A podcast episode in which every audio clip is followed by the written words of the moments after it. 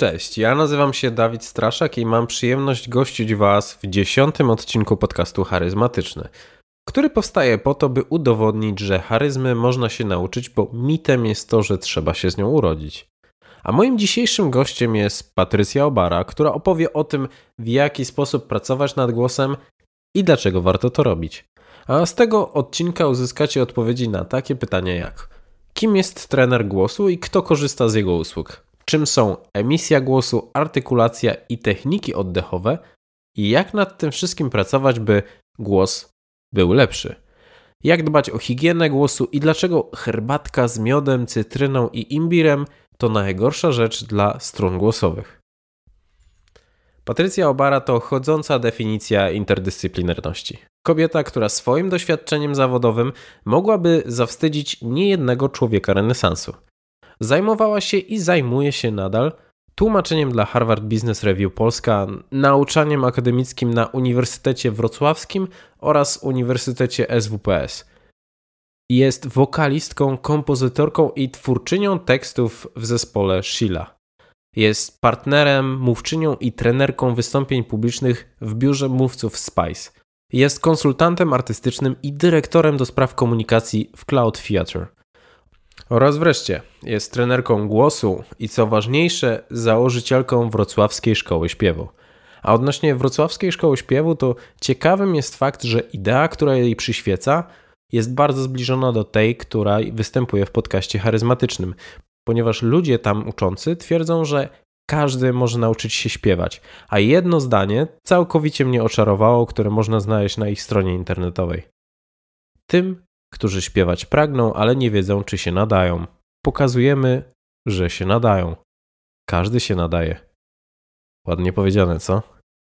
Patrycja sama o sobie mówi, że żyje, aby się uczyć i jak najlepiej wykorzystać swoją wiedzę, ponieważ wiedza jest warta tyle samo, co wartość, jaką daje innym. Ale bez niepotrzebnych wstępów zapraszam do wysłuchania tego, czym Patrycja się ze mną podzieliła. A jeszcze jedno, na samym końcu będziemy dla Was mieli muzyczną niespodziankę. Miłego podcastu.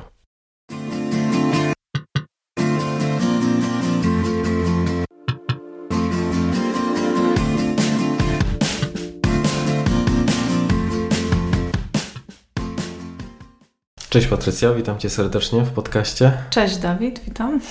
Zaprosiłem Cię tutaj, żeby porozmawiać o czymś e, bardzo charakterystycznym o głosie ponieważ jedna z Twoich profesji, jaką się zajmujesz, to właśnie trenerka głosu. E, I na samym początku chciałbym się dowiedzieć, co to tak naprawdę jest. Co to tak naprawdę jest? Trenerka głosu czy trening głosu? A najpierw chciałbym się skupić na tym, e, na tym zawodzie. E, mhm. Jakbyś mogła opowiedzieć właśnie na, na czym to polega, mhm. skąd się to wzięło u Ciebie? Mhm. Wiesz co, um, to się wzięło, może zacznę od tego najpierw właśnie skąd to się wzięło. Mhm. E, wzięło się stąd, że, mm, że śpiewam, mhm. ale nie śpiewam e, od zawsze, nie śpiewam od dziecka. Bardzo długo myślałam, że to nie będzie ścieżka dla mnie, mimo że zawsze chciałam to robić, ale od mądrych dorosłych w dzieciństwie e, słyszałam parę razy, że, że nie z różnych powodów. E, I musiałam do tego dojrzeć, że nie wszyscy mądrzy dorośli mają rację, że czasami mogą też popełnić błąd. E, jak do tego dojrzałam w wieku lat, tam nie wiem, 20-20 paru, zaczęłam szukać e, swojej drogi w tym. E, I trafiłam, miałam to szczęście, że trafiłam na świetnych nauczycieli. Tych nauczycieli było e, dwoje, do dzisiaj się przyjaźnimy, ale oprócz tego oni do dziś są moimi mm, mentorami. Natomiast um, czułam, że, że ten rozwój wokalny, czy też nauka akurat w tym wypadku śpiewu, nie zawsze jest e, właściwie prowadzona, że często nauczyciele głosu czy nauczyciele śpiewu wychodzą z takiego założenia, że albo się ma talent, albo się nie ma, że pewne rzeczy da się zrobić, inne są nieosiągalne. Ja mając ze sobą taką drogę, jaką miałam, to znaczy e, zaczęłam śpiewać bardzo późno, a jednak widziałam, że ten rozwój następuje i że rzeczy, które wydawały mi się nieosiągalne, z czasem stawały się osiągalne, włącznie z tym, że przed chwilą miałam premierę własnej autorskiej płyty, e, czułam, że coś z tym podziałem na talent i brak talentu jest nie tak. I zaczęłam się tym tematem bardziej interesować, zaczęłam więcej czytać na ten temat, na temat tego, co to w ogóle jest głos, skąd on się bierze, e, jakie są nasze biologiczne uwarunkowania do mowy i do śpiewu, jak, jakie są e, społeczne, jakie jest społeczne tło śpiewu i mowy, jakie jest ewolucyjne tło śpiewu i mowy.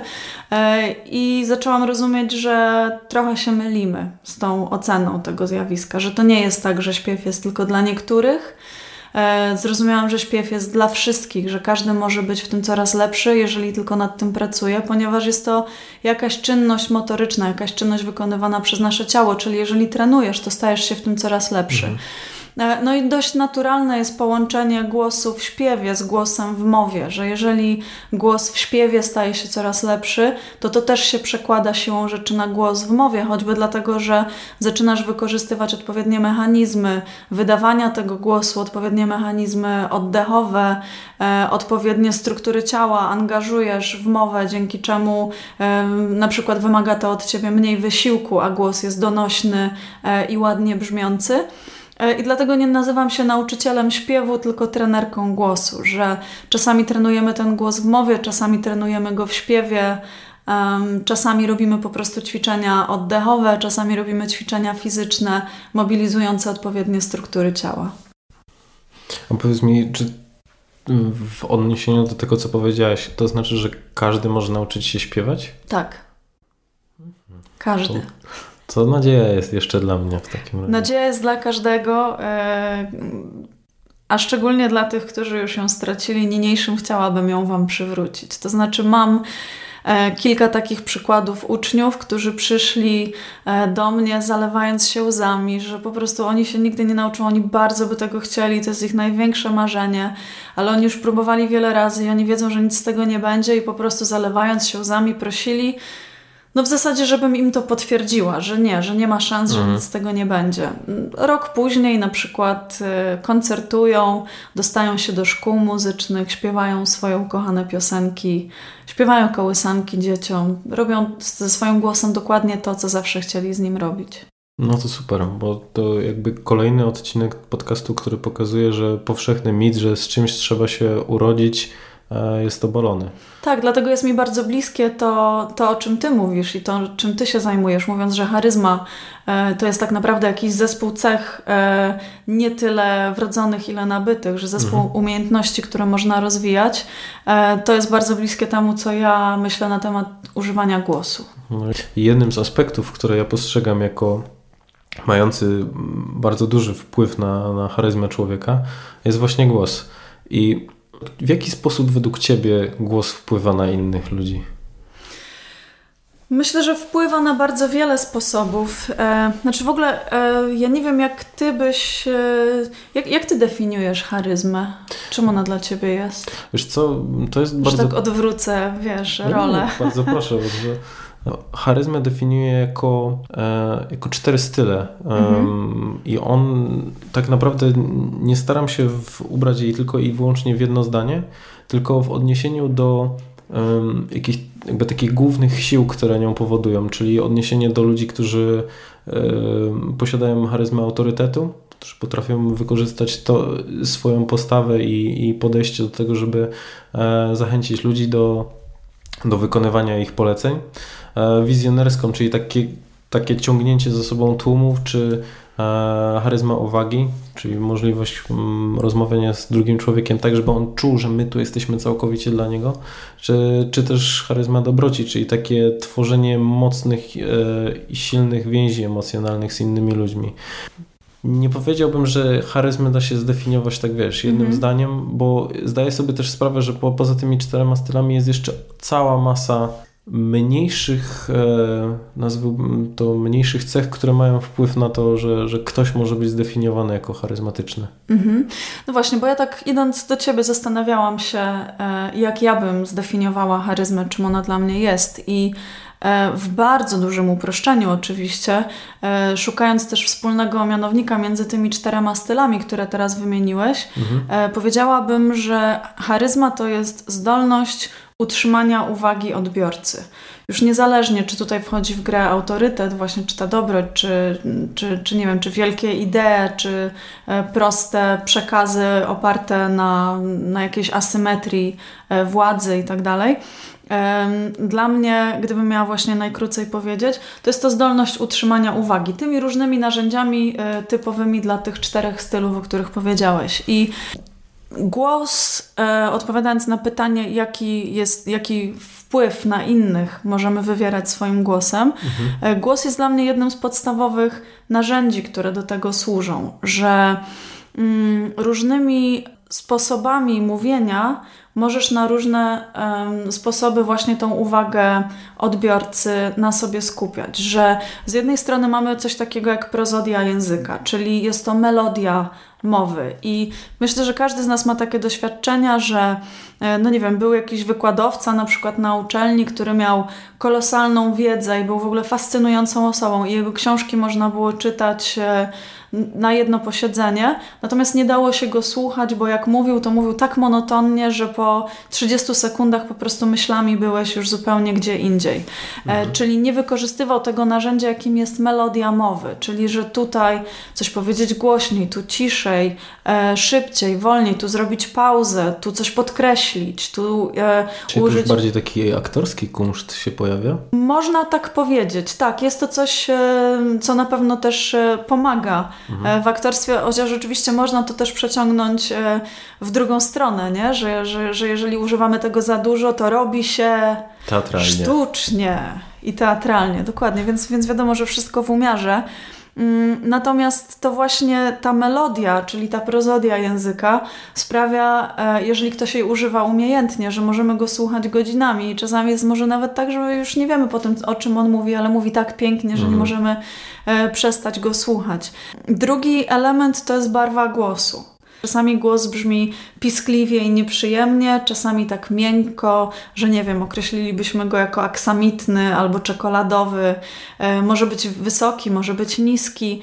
Mm, teraz różnymi barwami głosów, głosu możemy e, też różny wpływ wywierać na ludzi. To znaczy e, obniżony głos wywołuje takie większe poczucie profesjonalizmu, głos podwyższony zdradza zdenerwowanie, jakimś wysokim półszeptem będziemy mówić do dzieci albo będziemy mówić komuś coś na ucho, ale jak już będziemy chcieli na kogoś nakrzyczeć, to użyjemy zupełnie innej barwy głosu, więc też barwa głosu niesie ze sobą przekaz emocjonalny, czyli jest mhm. dodatkową informacją e, do tego, obok tego, co mówimy e, za pomocą słów. Tych dwóch aspektów można się nauczyć? Tak. I można je jakby wyćwiczyć do. Pojawia mi się takie pytanie w głowie, czy jest jakiś poziom, do którego człowiek jest w stanie to wszystko wyćwiczyć. Bo w momencie, kiedy my jakby rodzimy się z jakąś tak określoną wysokością głosu, prawda? No są ludzie, którzy mówią niższym, e, są tacy, którzy mówią wyższym głosem. Mhm. I teraz pytanie, jak bardzo my rzeczywiście i realnie mamy wpływ na to, mm, żeby obniżyć albo podwyższyć ten głos? Wiesz co, no oczywiście mamy na to wpływ w, w zakresie ograniczonym naszymi fizjologicznymi predyspozycjami, to znaczy mhm. mężczyźni mają niższe głosy, ponieważ mają grubsze fałdy głosowe, które przez to drgają z mniejszą częstotliwością niż Ach, fałdy głosowe kobiet, które są cieńsze i mogą drgać szybciej, dlatego e, głos jest wyższy. To w takim totalnym uproszczeniu mówiąc, żeby nie wchodzić tutaj teraz w szczegóły, które pewnie nie, nie, nie byłyby zbyt ciekawe. Mm, no i każdy z nas ma jakiś tam zakres dźwięków od do, mhm. którego może e, używać w mowie i w śpiewie. I ten zakres dźwięków nazywamy skalą głosu. E, I teraz za pomocą odpowiednich ćwiczeń możemy ten zakres dźwięku rozszerzać zarówno w dół, jak i w górę, więc to nie, nie sprawi, e, nie wiem ile lat ćwiczeń, e, raczej nie sprawi, że kobieta zacznie mówić jakimś tam głębokim barytonem. Podobnie jak wiele, wiele lat ćwiczeń też prawdopodobnie nie sprawi, że mężczyzna będzie śpiewać głosem pięcioletniego dziecka wysokim. Natomiast w w, zakresie, w, ty, w, tym zakresie, który jest biologicznie możliwy, możemy sobie ten głos rozszerzać. I no tu musiałabym wejść w terminologię e, muzyczną, że jeżeli na przykład ktoś przychodzi na zajęcia e, pierwsze ze śpiewu i na dzień dobry ma tak dwie oktawy takiego używalnego głosu, no to po roku ćwiczeń na przykład mamy 3,5 oktawy, czyli prawie dwukrotnie się ta e, skala głosu rozszerzyła. Mhm. Powiedz mi w takim razie, jacy ludzie się do Ciebie zwracają z, o, mm, z prośbą o pomoc nad swoim głosem, ale e, jakby wykluczając tych, którzy przychodzą, żeby nauczyć się śpiewać, tylko ci, którzy chcą po prostu pracować nad swoim głosem. Jakie to są rodzaje zawodów? Nie? Jasne. Wiesz co, jak tak się zastanowię, to oprócz osób, które przychodzą właśnie rzeczywiście po to, żeby pośpiewać sobie, e, to przychodzą do mnie nauczyciele mhm. i to z różnych poziomów edukacji, to znaczy nauczyciele przedszkolni i nauczyciele akademicy porówno. Um, trenerzy biznesowi bardzo często, dlatego że oni bardzo intensywnie pracują głosem mhm. i no, ich zawodowe być albo nie być zależy od tego, czy z tego głosu będą korzystać efektywnie, ale z drugiej strony ich skuteczność jako trenerów zależy od tego, czy będą tego narzędzia używać e, przekonująco, skutecznie. Tak, bo ciężko sobie wyobrazić trenera, którego rzeczywiście nie da się słuchać albo mówi monotonnie. Tak albo którego nie słychać, bo czasami też się zdarzają takie przypadki, że ktoś mówi tak cicho, mhm. e, ma tak e, tak słaby ten głos, że stojąc dwa metry od niego prawie nie wiesz, co mówi, albo że na przykład ta osoba prawie nie otwiera ust podczas mówienia, co sprawia, że niby mówi głośno, ale zupełnie niezrozumiale, bo artykulacja e, jest nieprawidłowa, więc cała mowa staje się niewyraźna.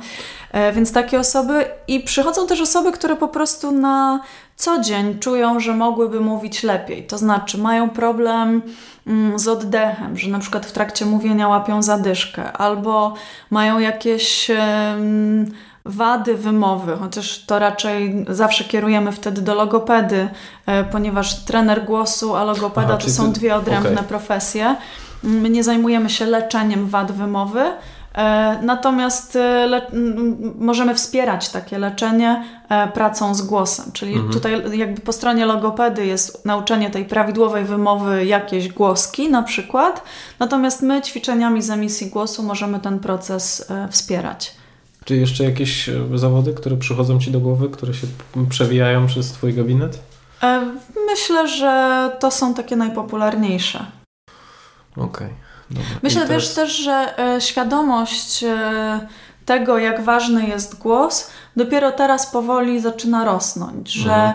że do tej pory e, nawet w środowisku trenerskim większą uwagę zwracało się na przygotowanie merytoryczne niż na przygotowanie głosowe. Natomiast przeszliśmy już ten etap, kiedy wiemy, że trener musi być profesjonalny, przygotowany, mieć do, dużą wiedzę, dobre materiały, to już wiemy.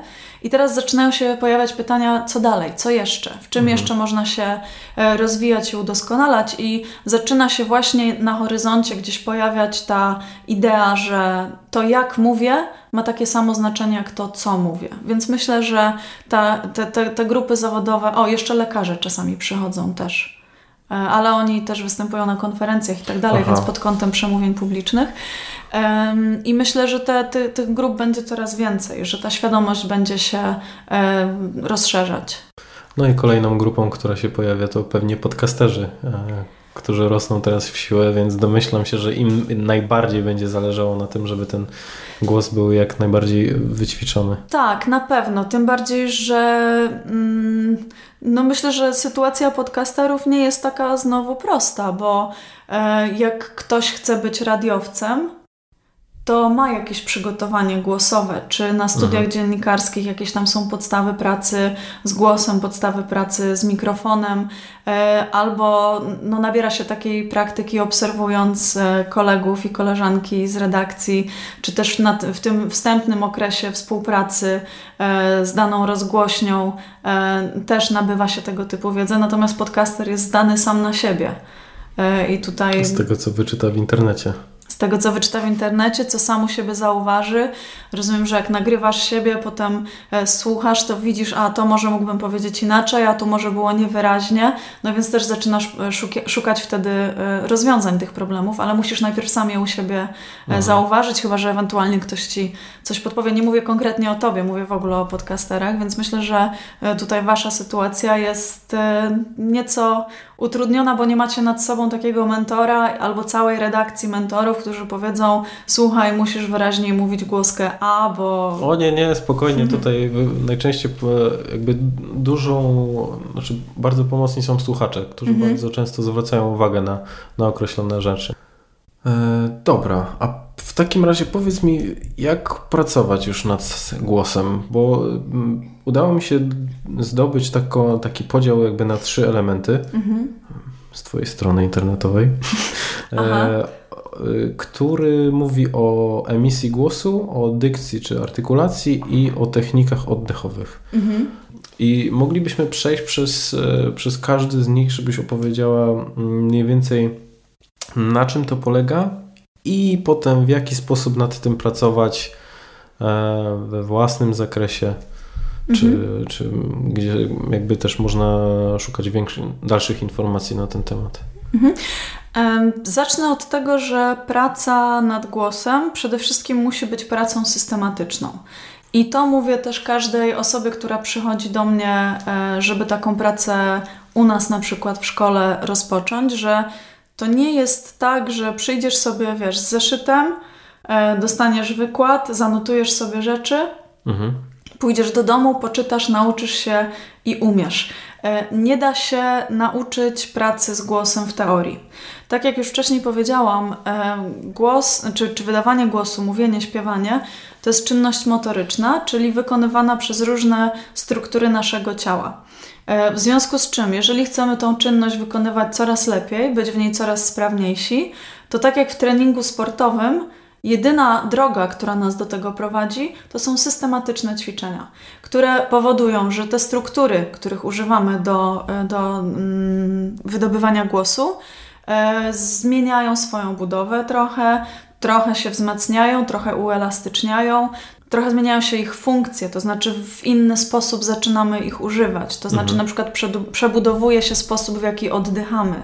E, I tego nie da się zrobić na jednym spotkaniu. Tego nie, możesz przeczytać wszystkie książki świata i mieć totalną wiedzę teoretyczną na ten temat, i to nic ci nie da, jeżeli po prostu fizycznie nie przebudujesz tych struktur. To jest tak, jakbyśmy przeczytali wszystkie książki świata o tym, e, jak sobie zrobić sześciopak mhm. na brzuchu. No i raczej nie spowoduje to, że wstaniemy rano, popatrzymy na brzuch i okaże się, o jest. To jednak trzeba sobie po prostu fizycznie wypracować. Z głosem jest dokładnie ta sama sytuacja. I to często ludzi dziwi, nie? że jeżeli oni na pierwszej, e, pierwszych zajęciach dostają ode mnie taką informację, to są tacy zaskoczeni, że ale jak to trening? No to ile mhm. ja będę musiał trenować? Ja mówię, no nie wiem, w zależności od tego, jak zareaguje Twoje ciało. Może miesiąc, może trzy miesiące, może rok, może pięć lat. Mogę Ci tylko zagwarantować, że będziesz robił postępy, ale nie mogę powiedzieć w jakim tempie, nie? że to jest tak jak z treningiem sportowym. A w, właśnie, żeby trochę zmotywować słuchaczy, to kiedy można zauwa znaczy zauważyć, usłyszeć pierwsze efekty w momencie, kiedy załóżmy ktoś pracuje z głosem codziennie, w sensie nad głosem? Wiesz co, tak naprawdę pierwsze efekty najczęściej widzą e, uczniowie już po pierwszym spotkaniu. Mhm. Dlatego, że dowiadują się już na pierwszym spotkaniu, co robią nieprawidłowo. Czyli, że na przykład nieprawidłowo oddychają, albo że na przykład nie otwierają, to, to co już mówiłam wcześniej, bo to są akurat najczęstsze błędy, że nie otwierają no, no właśnie, podczas to, to mówienia. Jak moglibyśmy się mhm. rozprawić z takimi najczęstszymi błędami, bo domyślam się, że mhm. to, to, z czym ludzie przychodzą, to jakby też da możliwość e, jakby słuchaczom, żeby zdiagnozować w, w cudzysłowie u, u siebie. E, więc mhm. okej, okay, czyli mamy mhm. nieodpowiednie oddychanie, ale w, co masz na myśli, mówiąc o tym? Mm, może w ogóle odniosę to do tych trzech obszarów, o których Ty mówiłeś Jasne. wcześniej. W ten sposób w ogóle odpowiem wreszcie na Twoje pytanie po tym długim wstępie. E, I zacznę właśnie od tego, który wymieniłeś jako ostatni, czyli mhm. od oddechu. Um, jak sobie przypomnicie, mm, jak oddychają małe dzieci, takie noworodki. One sobie leżą na tych pleckach swoich małych i oddychają i im całe brzuszki pracują. Mhm. I że trochę się unosi klatka piersiowa, ale brzuszek pompuje się jak balonik. Jak to dziecko nabiera e, powietrza, to, to masz wrażenie, że ono całe składa się z płuc, nie? że całe ciałko pracuje. E, I to jest e, tak zwany tor brzuszno-piersiowy, oddechowy. I takim torem powinniśmy starać się oddychać. A bardzo często jest tak, że w ogóle wyłączamy brzuch e, z procesu oddychania, to nie będę wchodzić tutaj w szczegóły tego, jak pracuje przepona, jak pracuje tłocznia brzuszna, bo to do końca tego podcastu rozmawialibyśmy tylko o tym.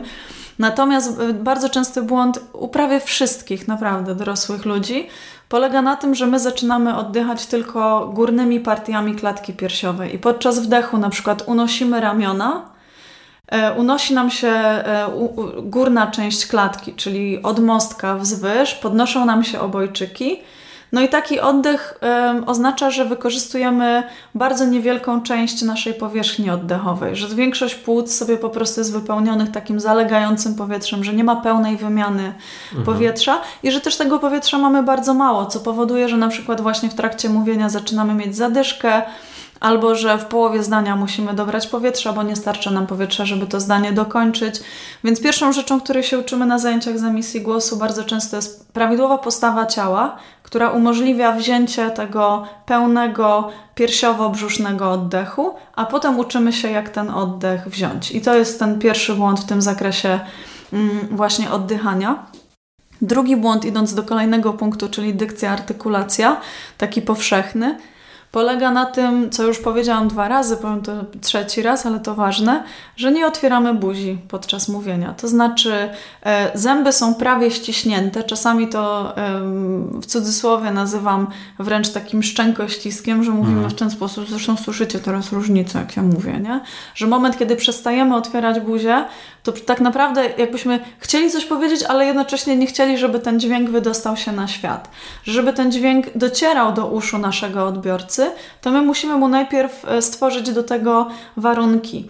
I, I, pracujemy sobie nad tym, jak mają się układać usta podczas mówienia, jak mają się układać kąciki ust e, i jak ma się układać e, żuchwa, e, żeby ten dźwięk miał taką moc, jaką chcielibyśmy, żeby miał. E, I znów zaznaczam, mówię to wszystko w bardzo dużym uproszczeniu. Mhm. Natomiast, e, żeby do tego doprowadzić, to mamy różne ćwiczenia uelastyczniające, mięśnie ust, mięśnie policzków, mięśnie języka, mhm. E, różne ćwiczenia rozluźniające żwacze na przykład, bo tutaj w obrębie żwaczy często są e, napięcia. Czasami nawet jak dotkniemy sobie tak przy uchu, e, tam gdzie mamy te tak zwane zawiasy, to aż boli, że, że tak jest, tak są ponapinane te, te struktury, mhm. że, że zwykły dotyk sprawia ból, więc pracujemy nad tym, żeby to porozluźniać. No i robimy sobie potem różne ćwiczenia na różnych e, grupach e, głosek, e, próbując, bo oczywiście nie sposób jest przegadać cały język polski i nauczyć się wymawiać prawidłowo każde słowo, które w tym języku jest. Natomiast ćwiczenia artykulacyjne są tak skonstruowane, że ćwiczymy konkretne sylaby, które w języku polskim występują. I to już jest dosyć zamknięty zbiór, i można z dosyć dużym prawdopodobieństwem stwierdzić, że jeżeli wszystkie te sylaby nauczę się wymawiać prawidłowo, to wtedy każdą kombinację tych sylab, czyli taki naturalny język, też będę potrafiła wymówić e, prawidłowo. No i ten trzeci obszar, emisja głosu, mm, właściwie tutaj należałoby to nazwać impostacją głosu. E, to są ćwiczenia, które pomagają e, sprawić, że ten głos będzie mocny. W naszej nomenklaturze mówi się podparty. Czyli, że ten głos nie będzie się wydobywał tylko z gardła i ze strun głosowych, bo to jest taki powszechny błąd, że my myślimy, że mówi się tylko gardłem, tylko krtanią, czy tylko strunami głosowymi, natomiast mówi się e, całym ciałem. I mówiąc o całym ciele, naprawdę mam na myśli całe ciało. To znaczy, najpierw e, powinniśmy mieć pewność, że nasze stopy mają kontakt e, z podłożem, że jesteśmy dobrze ugruntowani, że jesteśmy dobrze oparci. E, potem powinniśmy przyjrzeć się wszystkim stawom, e, ułożeniu miednicy bo to mięśnie dna miednicy tak naprawdę służą do podparcia głosu, czyli to mięśnie dna miednicy y, prawidłowo używane powodują, że ten głos jest mocny, dźwięczny, donośny. Potem to, żeby brzuch był luźny, potem to, żeby klatka piersiowa odpowiednio pracowała, potem to, żeby barki były rozluźnione, szyja rozluźniona, gładkie czoło, bo często próbujemy mówić z mięśni czoła i marszczymy się strasznie, a to bardzo przeszkadza. Czyli, o kurczę, czyli chcesz mi powiedzieć, że to w jaki sposób siedzę, w jaki sposób stoję, czy nawet jak, jaki mam wyraz twarzy, tak. wpływa na to, jak brzmię? Tak. Okej. Okay. Tak. Zacznę, wiesz, od, od tego ugruntowania. No, to jest, to jest bardzo ciekawe. Więc... Wiesz, odkąd stanęliśmy na dwie nogi, e, czyli dosyć dawno, e, nasz mózg jeszcze nie do końca sobie z tym poradził. I jednym z ważniejszych zadań e, tej części mózgu, która odpowiada za motorykę ciała, czyli za ruch, mówiąc, mówiąc krótko, jest nie przewrócić się. Mamy cały czas grawitację, z którą musimy walczyć. Ona nie jest naszym sprzymierzeńcem. Odkąd zaczęliśmy chodzić na dwóch nogach, to grawitacja cały czas chce zrobić tak, żebyśmy się przewrócili. Mhm. No to nasz mózg musi cały czas, jak tylko stoimy, musi temu zapobiegać. Więc jeżeli stoisz tak, że masz nie, nieoptymalnie rozłożony ciężar ciała, to dla Twojego mózgu to cały czas jest taka praca w tle, że Ty jesteś niestabilny, że nie do końca masz, e, nie do końca e, utrzymujesz równowagę więc mózg musi dużo energii poświęcić temu, żebyś się nie wywalił. Mhm.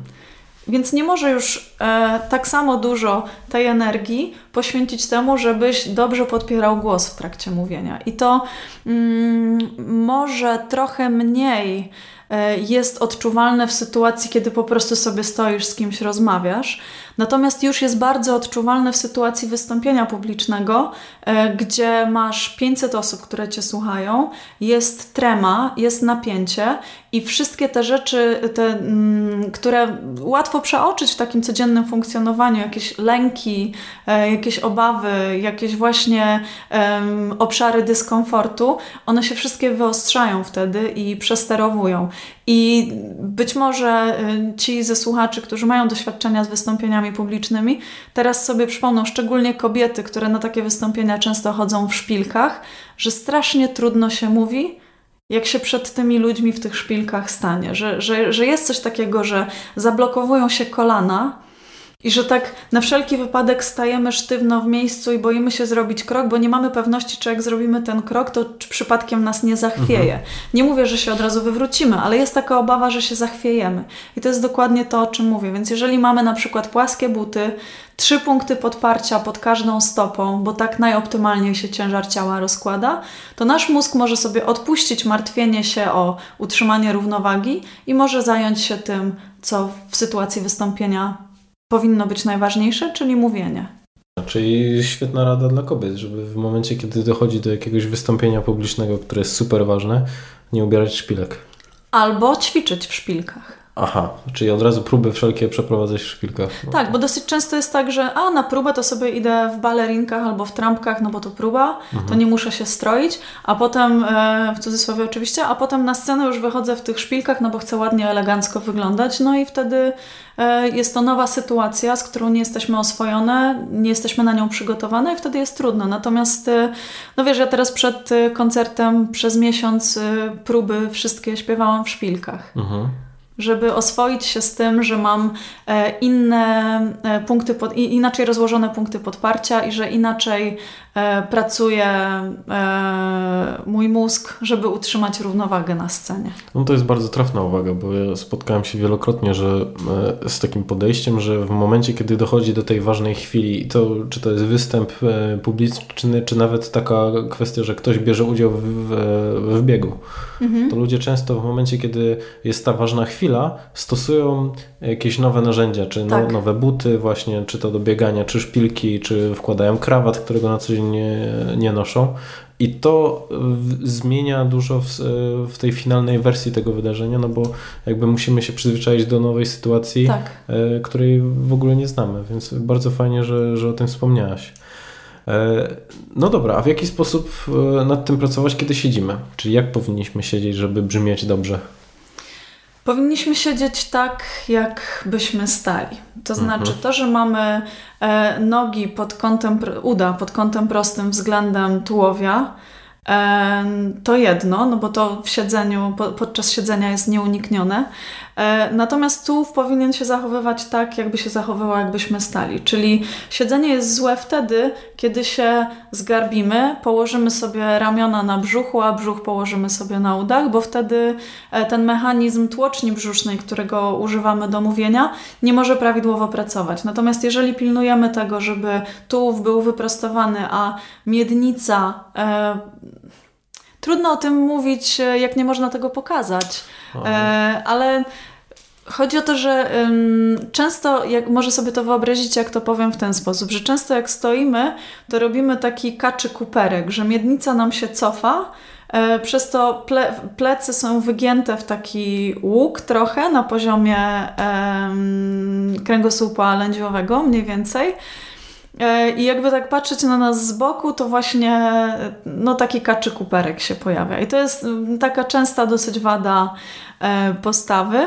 E, I żeby prawidłowo pracował mechanizm tłoczni brzusznej, to powinniśmy ten kaczy kuperek wyeliminować, czyli podciągnąć miednicę do przodu, czyli żeby bardziej przypominać od boku patrząc linię prostą, mhm. niż właśnie taki, taki zawijasek. I siedząc powinniśmy trzymać się tej samej zasady, czyli jak siedzimy tak, że mm, może to będzie dobre, że jeżeli siedzimy tak, że e, odcinkiem lędźwiowym kręgosłupa nie dotykamy oparcia krzesła, a łopatkami dotykamy, to znaczy, że coś jest nie tak. Mhm. Że jednak plecy powinny być, być, bardziej wyprostowane. Oczywiście nie idealnie proste, bo, bo też wiadomo, że e, nie bez powodu na tych wszystkich ergonomicznych fotelach pod odcinkiem lędźwiowym jest taka mała poduszeczka, ale ona ma 3 cm, a nie 20 Unikamy kaczego kupra. Unikamy. Stoimy jakby mocno na, na nogach, jeżeli tak. stoimy w przy, przy siedzeniu również to, to ma znaczenie. Czy jeszcze coś, na coś zwracać uwagę przy postawie? Bo też mówiłaś o, o kwestii tego, co maluje się na naszej twarzy.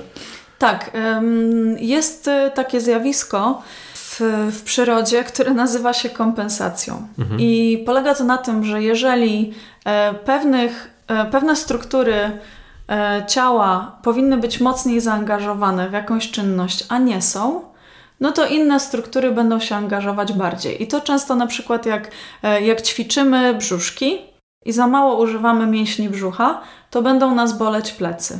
Nie, myślę, że, że każdy ma takie doświadczenie, że przynajmniej raz to poczuł, że niby robię brzuszki, a bolą mnie plecy, bo mhm. po prostu używamy innych mięśni niż te, które powinny być w użyciu. E, I w mowie i w śpiewie jest podobnie, że jeżeli nie wykorzystamy tego mechanizmu podparcia głosu, czyli nie wykorzystamy tych mięśni brzucha w takim stopniu, w jakim powinniśmy, to czasami staramy się znaleźć te napięcia e, gdzie indziej, czyli ten, ten sposób, żeby ten głos z siebie, kolokwialnie mówiąc, wycisnąć. I wtedy bardzo często pojawiają się napięcia w obrębie mięśni szyi, barków i też w obrębie e, mięśni twarzy. I to się widzi czasami, mm, jak się ogląda koncerty.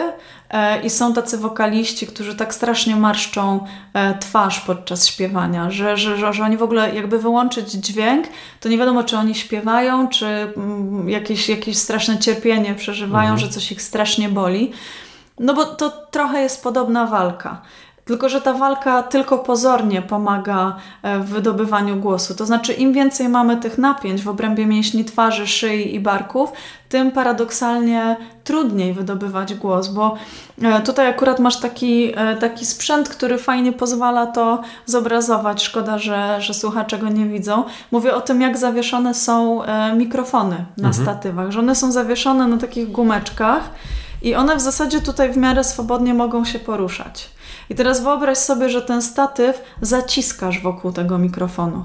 I wtedy cała ta stabilizacja siada, że ten mikrofon jest usztywniony, e, nie może tego swobodnego ruchu e, wykonywać. I tak samo się dzieje, jeżeli my zaciśniemy e, mięśnie szyi wokół krtani, że ona mhm. wtedy nie może się swobodnie poruszać. Mm, struny głosowe nie są swobodnie wprawiane w ruch, tak jak powinny być, tylko właśnie ten głos jest wtedy taki wyciśnięty. Wtedy często dochodzi do jakichś urazów, typu, że tam zdzieramy sobie gardło, mówiąc kolokwialnie, czy że jakieś chrypki, czy że jakieś, że na przykład nagle głos się zrywa.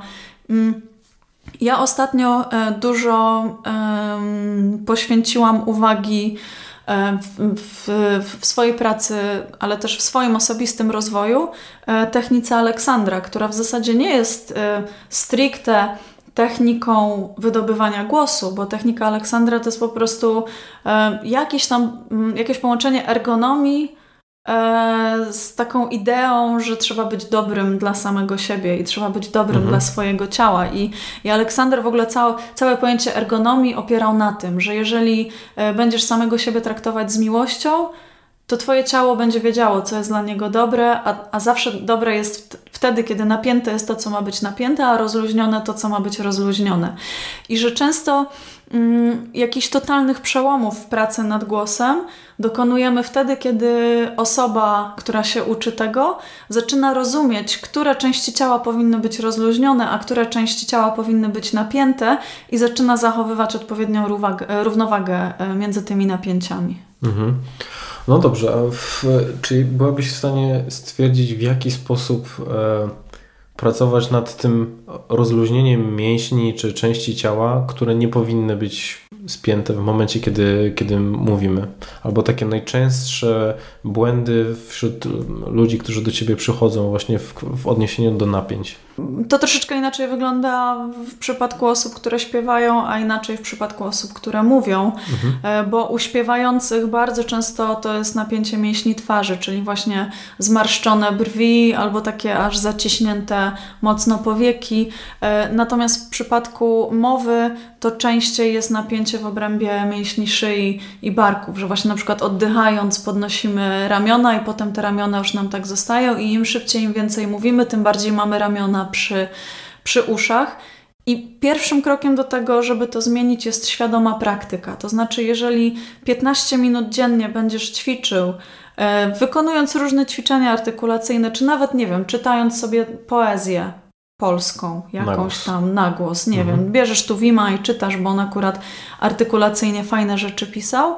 Stając przed lusterkiem i pilnując tego, żeby w trakcie tej recytacji nie unosić barków i żeby przy oddechu pracował brzuch, czyli poświęcasz uwagę swojemu ciału. Mhm. No to po pierwszym razie pewnie nic się nie zmieni, po drugim razie pewnie też nie, ale po ósmym razie już zaczynasz sobie wyrabiać jakieś tam e, nowe nawyki, że generalnie problem polega na tym, że te wszystkie nasze błędy najczęstsze to są po prostu złe nawyki. Mhm. I żeby pozbyć się złego nawyku, to trzeba najpierw go zauważyć. Czyli tutaj jakby nie rozwiąże sprawy to, że pójdziemy do masażysty, który nas rozmasuje nie. i te napięcia znikną. Znaczy na pewno pomoże, ale nie... Bo następnego dnia będzie dokładnie tak samo, ponieważ no, my po prostu w zły sposób e, się zachowujemy. Tak, czyli najlepszym sposobem na to, żeby to zmienić e, jest świadoma praktyka, czyli poświęcić uwagę tym częściom ciała, e, których funkcjonowanie wymaga jakiegoś tam udoskonalenia. No myślę, że tą misję mamy zakończoną, a w momencie, kiedy miałabyś komuś poradzić, w jaki sposób e, pracować nad dykcją, to co to by były za ćwiczenia i na co zwracać uwagę, co jest jakby takim bardzo powszechnym błędem, oprócz tego, żeby, no tutaj nawet moja polonistka mi to mówiła w podstawówce, że Dawid, musisz otwierać e, usta, mhm. bo, bo, bo nic nie słyszę. Wiesz co, e, oprócz tego otwierania ust, bardzo często jakaś tam niechlujność, niedbałość w wymowie mhm. występuje u, u mówców, czy u trenerów, czy w ogóle u osób e, mówiących. Język polski jest e, dużym wyzwaniem artykulacyjnym, bo my mamy dużo takich zbitek spółgłoskowych, że na przykład w słowie wszystko mamy stk, no i bardzo często na pewno sam e, słyszałeś, że ludzie zamiast mówić wszystko, mówią wszystko. Mhm. Że tam gdzieś sobie którąś spółgłoskę e, zjadamy. I, no i to często się zdarza. Czy tam jakieś końcówki wymawiamy nieprecyzyjnie, czy zjadamy e, część końcówek, że na przykład mówimy chciałam zamiast chciałam. E, to takie rzeczy najczęściej w języku polskim. Mm, jest mnóstwo e, publikacji e, na naszym rynku, które pomagają w rozwiązaniu tego problemu. E, pierwsza, która przychodzi mi do głowy, to moje ulubione paszcze dźwięki, które napisał Mirosław Oczkoś. To jest taka książka, w której każda głoska w polskim języku jest przerobiona osobno, są osobne ćwiczenia na tą głoskę.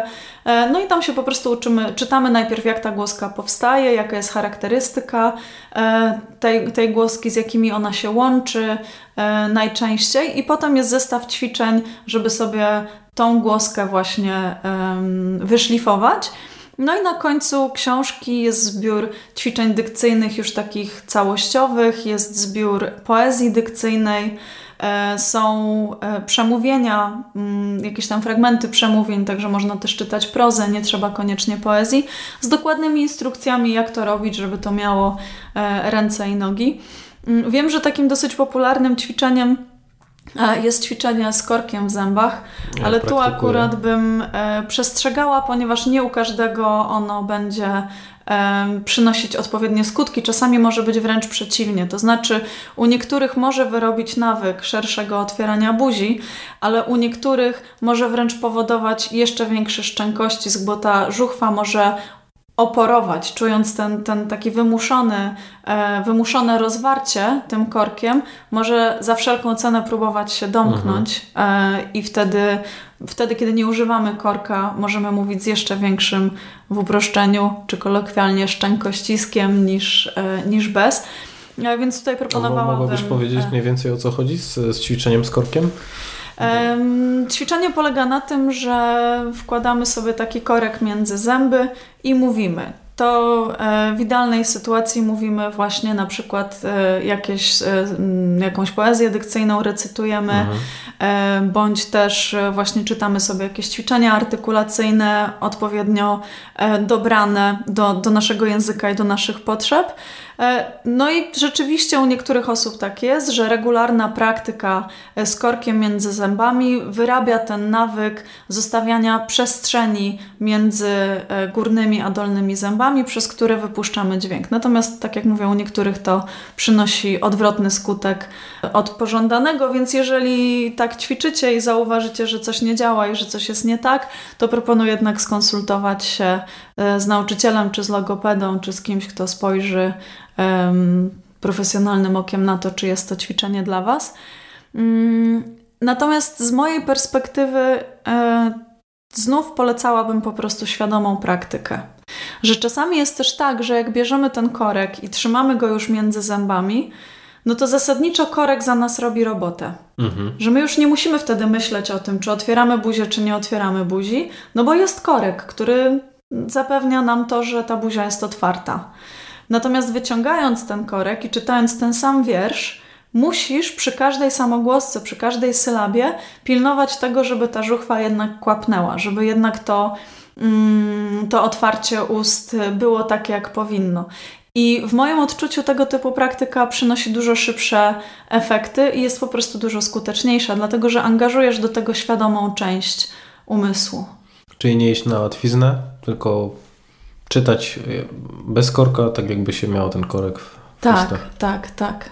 No, zwłaszcza, że takim, tym o czym się e, często nie mówi w przypadku korka, to jest to, że się strasznie człowiek ślini w momencie, kiedy ma się no, między zębami. Na pewno, na pewno. Jasne, że czasami takie ćwiczenie pomaga, że to nie jest tak, że, że w ogóle nie należy tego robić. Natomiast mhm. odradzałabym robienie tego jako jedynego ćwiczenia. Wiesz, czasami jest tak, że um, że na przykład tył języka się za bardzo podnosi i wtedy mówimy trochę tak, nie? że robi się taki efekt Czesia, mhm. taki efekt za, zawalonego gardła.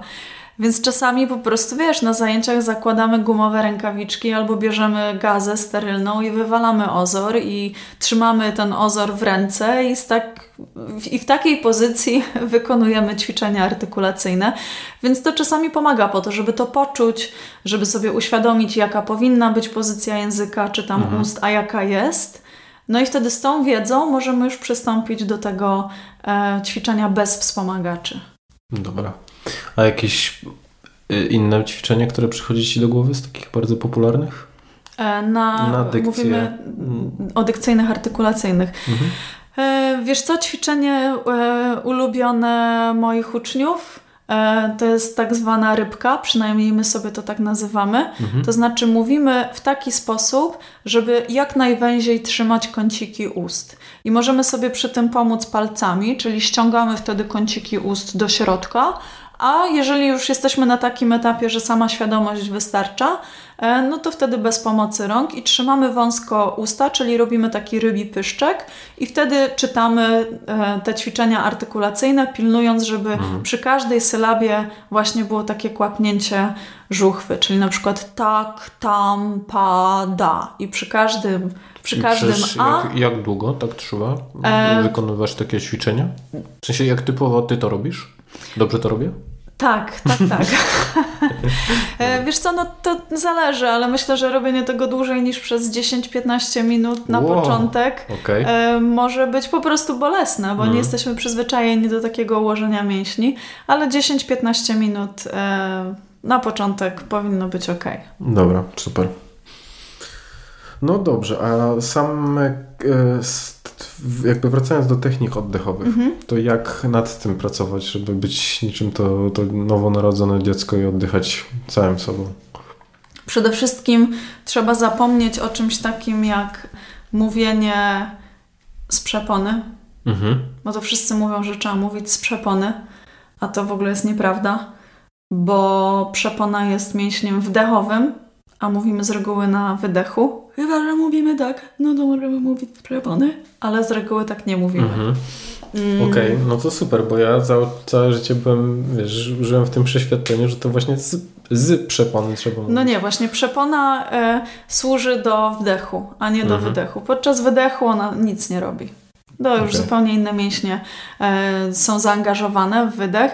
Przepona po prostu obniżając się, kurcząc się i obniżając, e, powoduje, że bierzemy wdech. E, znów nie wchodzę zbyt głęboko w szczegóły. Mhm.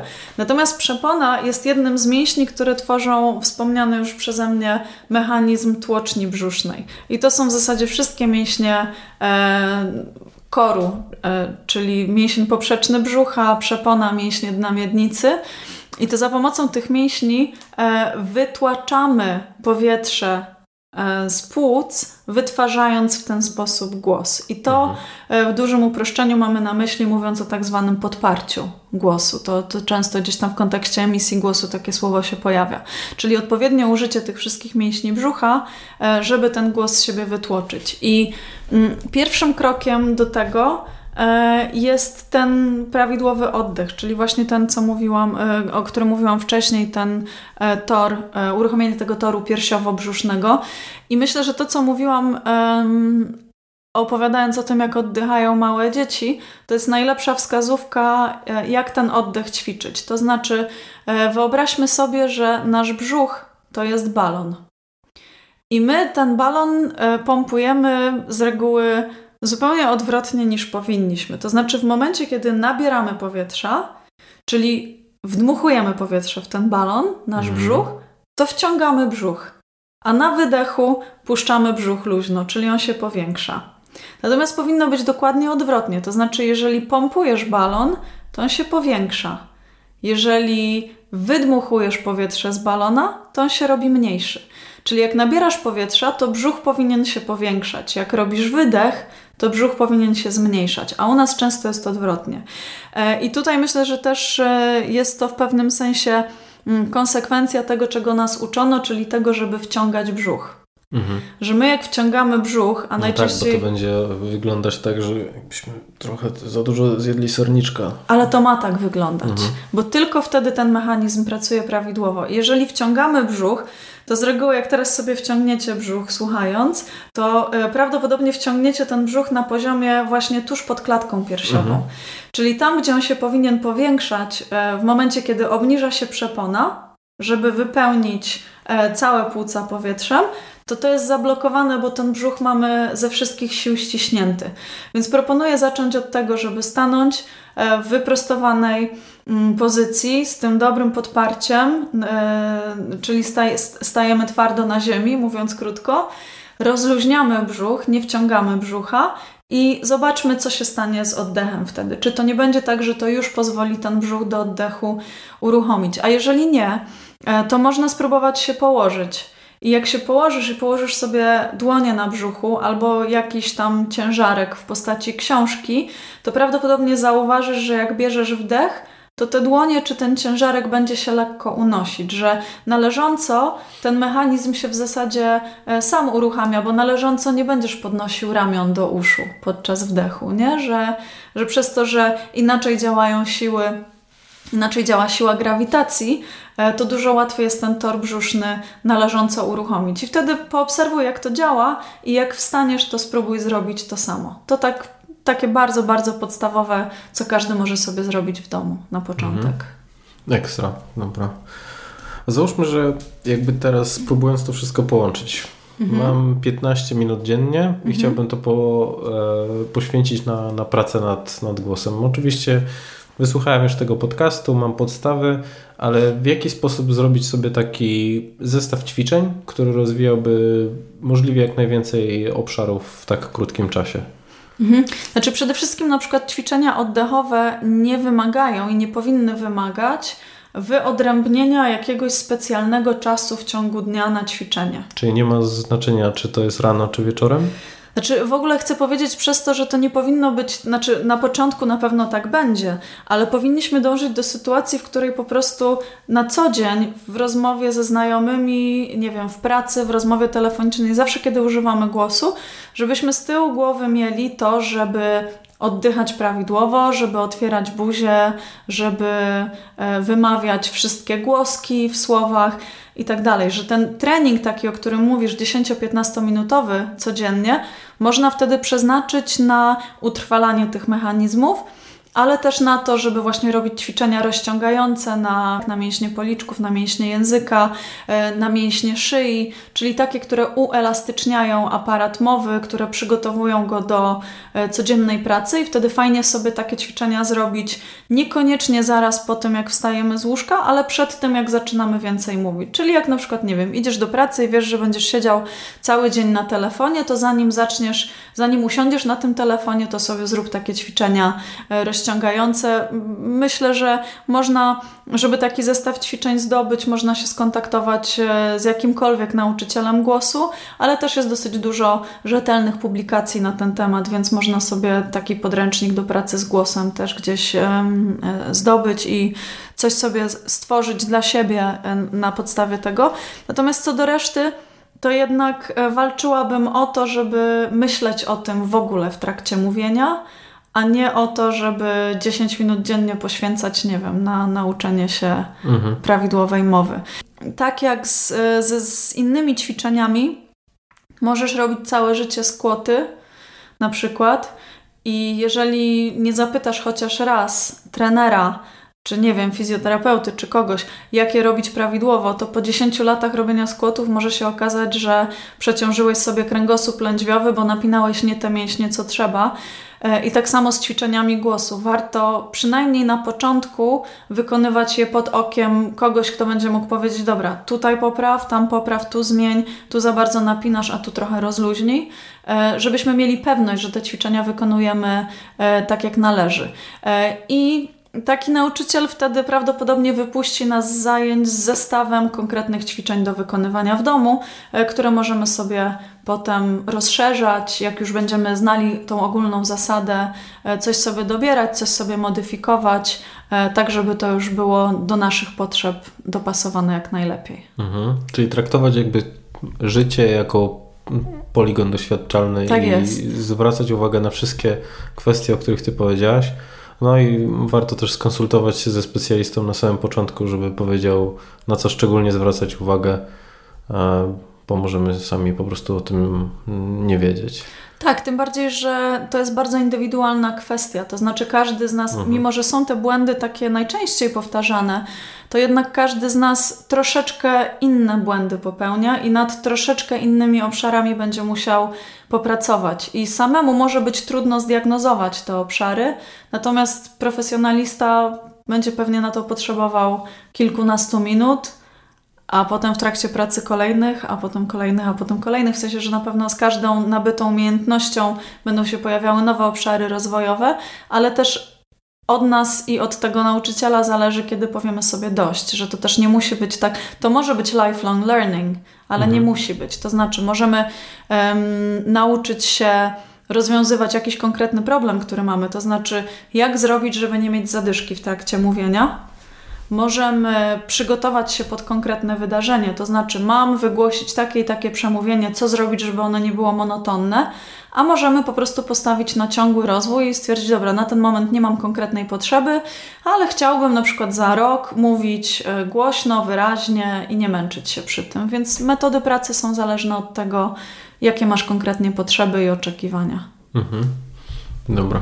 A czy przychodzi Ci do głowy jakiś konkretny podręcznik e, albo strona internetowa, na której ktoś mógłby poszerzyć swoją wiedzę na temat mm, właśnie pracy nad głosem?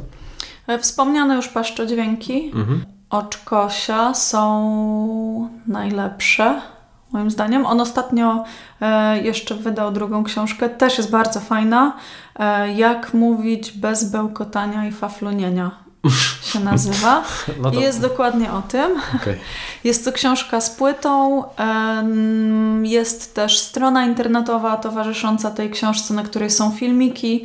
I jest to takie rzeczywiście kompendium wiedzy, że jeżeli ktoś chciałby rozpocząć naukę na własną rękę i czuje, że na ten moment nie potrzebuje takiego profesjonalnego wsparcia, chce po prostu zobaczyć, jak to jest, to ta książka może go e, przez ten proces przeprowadzić, bo tam są i ćwiczenia relaksacyjne, i oddechowe, i artykulacyjne, i rozciągające, i w zasadzie wszystko to, o czym dzisiaj mówiliśmy E, jest w jakimś stopniu w tym podręczniku poruszone. A w jaki sposób zatroszczyć się o samą higienę głosu?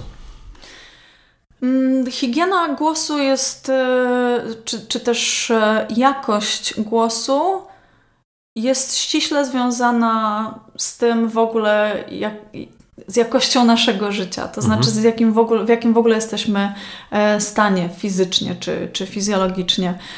To znaczy, jeżeli jesteśmy wyspani, wypoczęci, E, nawodnieni, najedzeni, ale dobrze najedzeni, w znaczeniu nie, że e, napakowaliśmy się fast foodami i słodyczami, mhm. tylko mamy zbilansowaną, dobrą dietę, e, to w dobrej kondycji będą nasze tkanki, w dobrej kondycji będą na przykład błony śluzowe, które te tkanki pokrywają, więc w ogóle w dobrej kondycji będzie nasz głos który jest przez te tkanki, e, przez te struktury wytwarzany.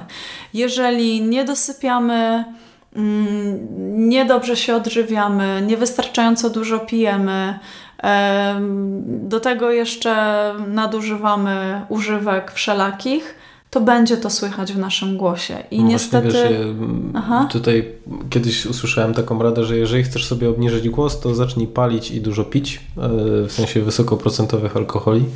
I dwa tygodnie i od razu usłyszysz efekty, nie? Więc no tak, to tylko że pewnie to... kolejny powszechny mit. Staram się znaleźć porównanie. Znaczy wiesz, no to tak jest, tylko że jakie są tego długofalowe konsekwencje? Długofalowe konsekwencje to, to jest utrata głosu. Mhm.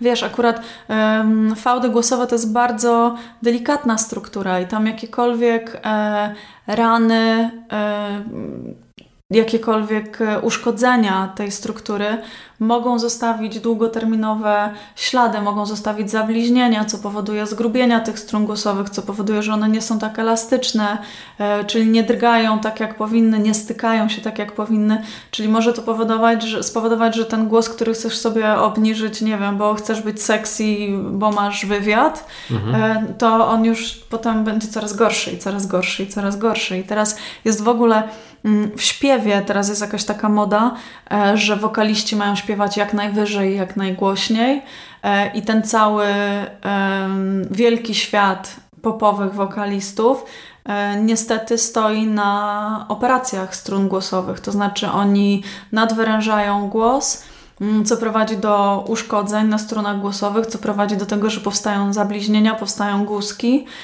One są potem chirurgicznie usuwane co, jest, co daje efekt na krótko, ponieważ za tym nie idzie e, poprawa techniki wydobywania głosu. Oni dalej popełniają te same błędy, mhm. czyli dalej forsują głos, więc znowu powstają te zmiany, co znowu wymaga interwencji chirurgicznej. Przy czym są to tak skomplikowane procedury, że przesunięcie skalpela o pół milimetra w złą stronę może spowodować utratę głosu całkowicie. E, więc e, no, może rzeczywiście tak jest, że jak będziesz, nie wiem, e, pił cztery szklanki whisky dziennie, to po dwóch tygodniach, a może i po trzech dniach głos ci się obniży i nawet może będziesz mieć seksowną chrypkę. Tylko pytanie, jaka jest tego cena i czy rzeczywiście chcesz tą cenę zapłacić. I tutaj z tymi mm, popowymi artystami i a propos płacenia ceny, najlepszym przykładem jest Adele, która wiadomo, jak jej kariera się potoczyła była piękna kariera, którą musiała przerwać ze względu na to, że struny głosowe nie wytrzymały, miała operację. E, kilka lat potem wróciła na scenę. No i nie zagrała dwóch koncertów finalizujących wielką trasę koncertową, które miały się odbyć na Wembley, bo struny głosowe nie wytrzymały obciążenia. Więc to jest taki ku przestrodze przykład, że krótkoterminowe działania na pewno długofalowo przyniosą więcej szkody niż korzyści. Z tego wszystkiego, o czym mówisz, do mnie przebija takie podejście żyj zdrowo. No bo spójrz, e, odpowiednia postawa, odpowiedni rodzaj oddychania, otwieranie szeroko ust, rozluźnianie napięć tam, gdzie one się pojawiają i jakby akumulują, e, odpowiednia dieta i dbanie o siebie – E, I to wszystko wpływa na, na głos, czyli jakby mhm. prowadź się dobrze, to będziesz brzmieć dobrze. Tak, tak, to jest bardzo dobre podsumowanie, bo wiesz, to o czym się często zapomina, to to, że głos nie jest zewnętrzną technologią, mhm. którą możesz sobie włączyć, możesz sobie wyłączyć, możesz mieć przy sobie, możesz nie mieć przy sobie, możesz sobie zupgrade'ować i mieć lepszą, tylko to wynika wprost z Twojego ciała. Twój mhm. głos to jest Twoje ciało, więc jeżeli Twoje ciało jest w dobrej formie, to jest duża szansa, że Twój głos też będzie. Dobra. A czy są jakieś e, produkty e, spożywcze, które bardzo negatywnie wpływają na, na głos? No już załóżmy, że wspomnieliśmy tutaj o, mhm. o nadmiernym używaniu alkoholu i, i, i paleniu papierosów, mhm. ale czy coś oprócz tego? Cukier. Mhm. E, cukier powoduje, że że, no, no, pewnie nawet macie takie doświadczenia, że po czekoladzie takie jest zaklejone gardło, mhm. nie? że się po prostu zaśluzowuje e, gardło. To samo robi nabiał. Więc o ile nie mówię, żeby te rzeczy całkowicie wykluczyć ze swojej diety, bo nie będę tutaj prawić kazań, jak kto ma żyć. E, natomiast jeżeli mamy jakieś ważne wystąpienie, to proponuję przed tym wystąpieniem nie jeść batona i nie popijać go szklanką mleka, bo to spowoduje, że ten głos będzie taki właśnie zaklejony, że będziemy odchrząkiwać. E, odchrząkiwanie robi nam bardzo źle, bo to jest e, z tego, co, co, co, co gdzieś kiedyś przeczytałam, to to jest atakowanie strun głosowych powietrzem rozpędzonym e, do 120 km na godzinę. Więc mhm. można sobie wyobrazić, jakie to może poczynić szkody. E, więc raczej unikałabym tego, co powoduje, że odchrząkujemy. E, czyli właśnie cukier, nabiał, orzechy też przed wystąpieniem nie są najlepszym pomysłem. Natomiast z drugiej strony to, co, to, co nam może zrobić dobrze, to są rzeczy takie, które naturalnie zwiększają poziom nawilżenia e, strun głosowych. Czyli oprócz tego, że regularne picie wody, czyli nie półtora litra naraz, a potem przez cały dzień nic, tylko takie sączenie po kilka łyków przez, przez cały dzień, e, to oprócz tego takie rzeczy jak na przykład wywar e, z nasion lnu, bardzo dobrze robi na, na nawilżenie błąd śluzowych gardła. Dużo osób poleca kisiel, taki rozwodniony. Natomiast ja mam tutaj pewne wątpliwości, bo sam kisiel, to znaczy mąka ziemniaczana e, ugotowana w małej ilości, e, jest ok, ale z reguły kisiel jest słodzony. Mhm. Więc trochę nam się ten efekt znosi. Więc jeżeli ktoś jest w stanie jeść niesłodzony kisiel, jeżeli takie w ogóle są, albo po prostu sobie go zrobić z mąki ziemniaczanej z dodatkiem jakichś owoców, no to świetnie. Natomiast e, picie słodzony, słodzonego kisielu może niekoniecznie e, zadziałać tak, jakbyśmy chcieli. E, dobrze działają też te produkty, które mają e, te dobre tłuszcze, tak zwane, czyli kwasy e, omega. Mhm. Czyli na przykład awokado e, dobrze zadziała, czy jakieś dobre oliwy, czyli coś, co natłuszcza te błony śluzowe, przez to zwiększając też utrzymanie wody w tych tkankach. Jakbyś mogła mi też powiedzieć o takim bardzo powszechnym mm, wynalazku, który e, ludzie często stosują w momencie, kiedy mają problemy z głosem, czyli herbata z cytryną i z miodem. Co ty o tym sądzisz? Dołóżmy jeszcze do tego imbir i mamy kombinację czterech rzeczy, które dla głosu są najgorsze. To znaczy mhm. herbata wysusza, cukier, który jest w miodzie, wysusza, cytryna wysusza i imbir wysusza. Czyli serwując sobie taką mieszankę, mamy gwarantowane pogorszenie jakości głosu. Mm. No, unikamy tego. Unikamy zdecydowanie. Woda, e, letnia woda będzie dużo lepszym rozwiązaniem. W odniesieniu do napojów gazowanych, czy one też mają negatywny wpływ na, na nasz głos? Na pewno niegazowane będą lepsze. Okej. Okay. A masz może jakieś rady na. Wyobraźmy sobie taką sytuację, że mm, jestem trenerem, mam dwa dni szkolenia i po pierwszym dniu już czuję, że jestem, że mój głos jest mocno nadwyrężony i obawiam się, że następnego dnia mógłbym nie dać rady. Czy są jakieś tajemne sposoby na to, żeby, żeby podleczyć możliwie najszybciej i najbardziej efektywnie ten głos, żeby ten następny dzień jakoś, mhm. E, jakoś przetrwać? Wiesz, no cudów nie ma. To, to zależy od tego, jaki jest stopień uszkodzenia tych mhm. tkanek. Jeżeli on jest duży, no to niestety trzeba się pogodzić z tym, że nie uratujemy sytuacji. Jeżeli jest niewielki, to można się wspomagać e, na przykład płukanką I można sobie taką płukankę zrobić e, z witaminy A plus E, tylko że wtedy kupujemy sobie taką witaminę w kropelkach, a nie w kapsułkach. Mhm. I to są kropelki, to są takie buteleczki 10 ml. E, taką buteleczkę witamin mieszamy z setką gliceryny i dwie łyżki takiego roztworu bierzemy sobie na pół kubka takiej letniej wody i tym płukamy gardło. I robimy to rano i wieczorem. I w takich sytuacjach kryzysowych, że ten głos nadwyrężyliśmy, albo na przykład po chorobie e, jeszcze nie doszliśmy do siebie, a mamy ważne szkolenie, mhm. to taka płukanka może pomóc. Natomiast e, przestrzegam przed używaniem jakichkolwiek e, wspomagaczy tego typu, czyli farmaceutyków.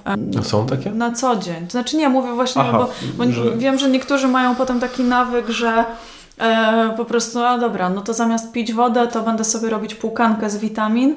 E, wracamy do tego, co powiedziałeś wcześniej, że e, jeżeli utrzymujemy ciało w odpowiedniej kondycji i żyjemy zdrowo, mhm. to na pewno długofalowo to da nam lepszy efekt niż doraźne stosowanie, nie wiem, tabletek, E, płukanek i tak dalej. Natomiast w sytuacji kryzysowej e, można sobie po takie narzędzie sięgnąć. Ekstra. Dobra. A gdybyś miała zachęcić kogoś do tego, żeby zaczął pracować nad swoim głosem, no już dokładnie wie w jaki sposób, e, to teraz tylko jakby dbając o jego motywację, to co byś mu powiedziała? Powiedziałabym mu, żeby spróbował i zobaczył, jaka będzie różnica. Mhm. A miałeś jakieś takie e, przykłady, w których ktoś powiedział, kurczę, znalazłem miłość życia dzięki temu, że, że zacząłem pracować nad, nad swoim głosem? Wiesz co? Nie, ale, znala- ale mia- miałam e, kilka przykładów osób, które powiedziały, że spełniłam największe marzenie w moim życiu dzięki temu, że zaczęłam pracować nad głosem. Mhm. No dla mnie e, jeden bardzo bliski znajomy ze studiów ma ogromnie fascynujący głos i parokrotnie e, spotkałem się z taką opinią, że w sumie to już nieważne, co on mówi, mhm. ale to w jaki sposób on mhm. mówi. E, chodzi tutaj właśnie o, o, o barwę jego głosu. Mhm. Sprawia, że ludzie zawsze z przyjemnością go słuchają. Pomyślałem sobie, że to jest wielki atut, atut w życiu, żeby mieć głos, który przyciąga uwagę, nawet jeżeli ktoś po prostu jest zajęty czymś innym. Jasne, szczególnie jeśli chcesz tym głosem pracować, to znaczy być trenerem, mówcą, nauczycielem, mhm. E, czy kimkolwiek, czyja kariera zależy od sposobu mówienia i od tego, żeby ten głos trafiał do odbiorcy. Dobra. A jeżeli miałabyś powiedzieć o, o charyzmatycznym głosie, to jaki by był on według Ciebie? Wracając do tego, co mówiłam wcześniej, czyli do tego, jak ja rozumiem charyzmę, mhm. to byłby to taki głos, który staje się narzędziem utrzymania, od, utrzymania uwagi odbiorcy. Mhm. Czyli jeżeli ktoś mówi w taki sposób, że chce się go słuchać, i nawet jeżeli jesteśmy zmęczeni, znużeni, słuchamy ósmego wystąpienia tego dnia, to po pierwszym zdaniu już wiemy, że tej osoby chcemy posłuchać do końca. Powiedz mi, gdyby ktoś chciał Cię znaleźć, to gdzie Cię szukać w sieci? Wrocławska Szkoła Śpiewu.pl to jest mhm. strona mojej szkoły. E, w której można pracować i nad głosem w śpiewie, i nad głosem w mowie. Mhm. E, I shilaproject.com to jest e, strona mojego zespołu, na którym można znaleźć całą naszą płytę za darmo, bo nagraliśmy płytę i udostępniamy ją na licencji Creative Commons, więc można tej muzyki słuchać bez ograniczeń, włącznie z tekstami piosenek, zapisami nutowymi, E, wszystko, całą twórczością się na tej stronie dzielimy. Okej, okay, super. E, ja już mm, ogromnie polecam właśnie tę płytę, więc, e, więc zapraszam do, do wysłuchania. No i cóż, to, to wszystko z mojej strony, więc dziękuję bardzo. Dziękuję. A na zakończenie obiecana muzyczna niespodzianka. Zaraz będziecie mogli usłyszeć Patrycję w utworze o nazwie Princess and the Pea z zespołu Sheila. Ja ogromnie Wam dziękuję za poświęcony czas i do usłyszenia w następnym odcinku. Cześć.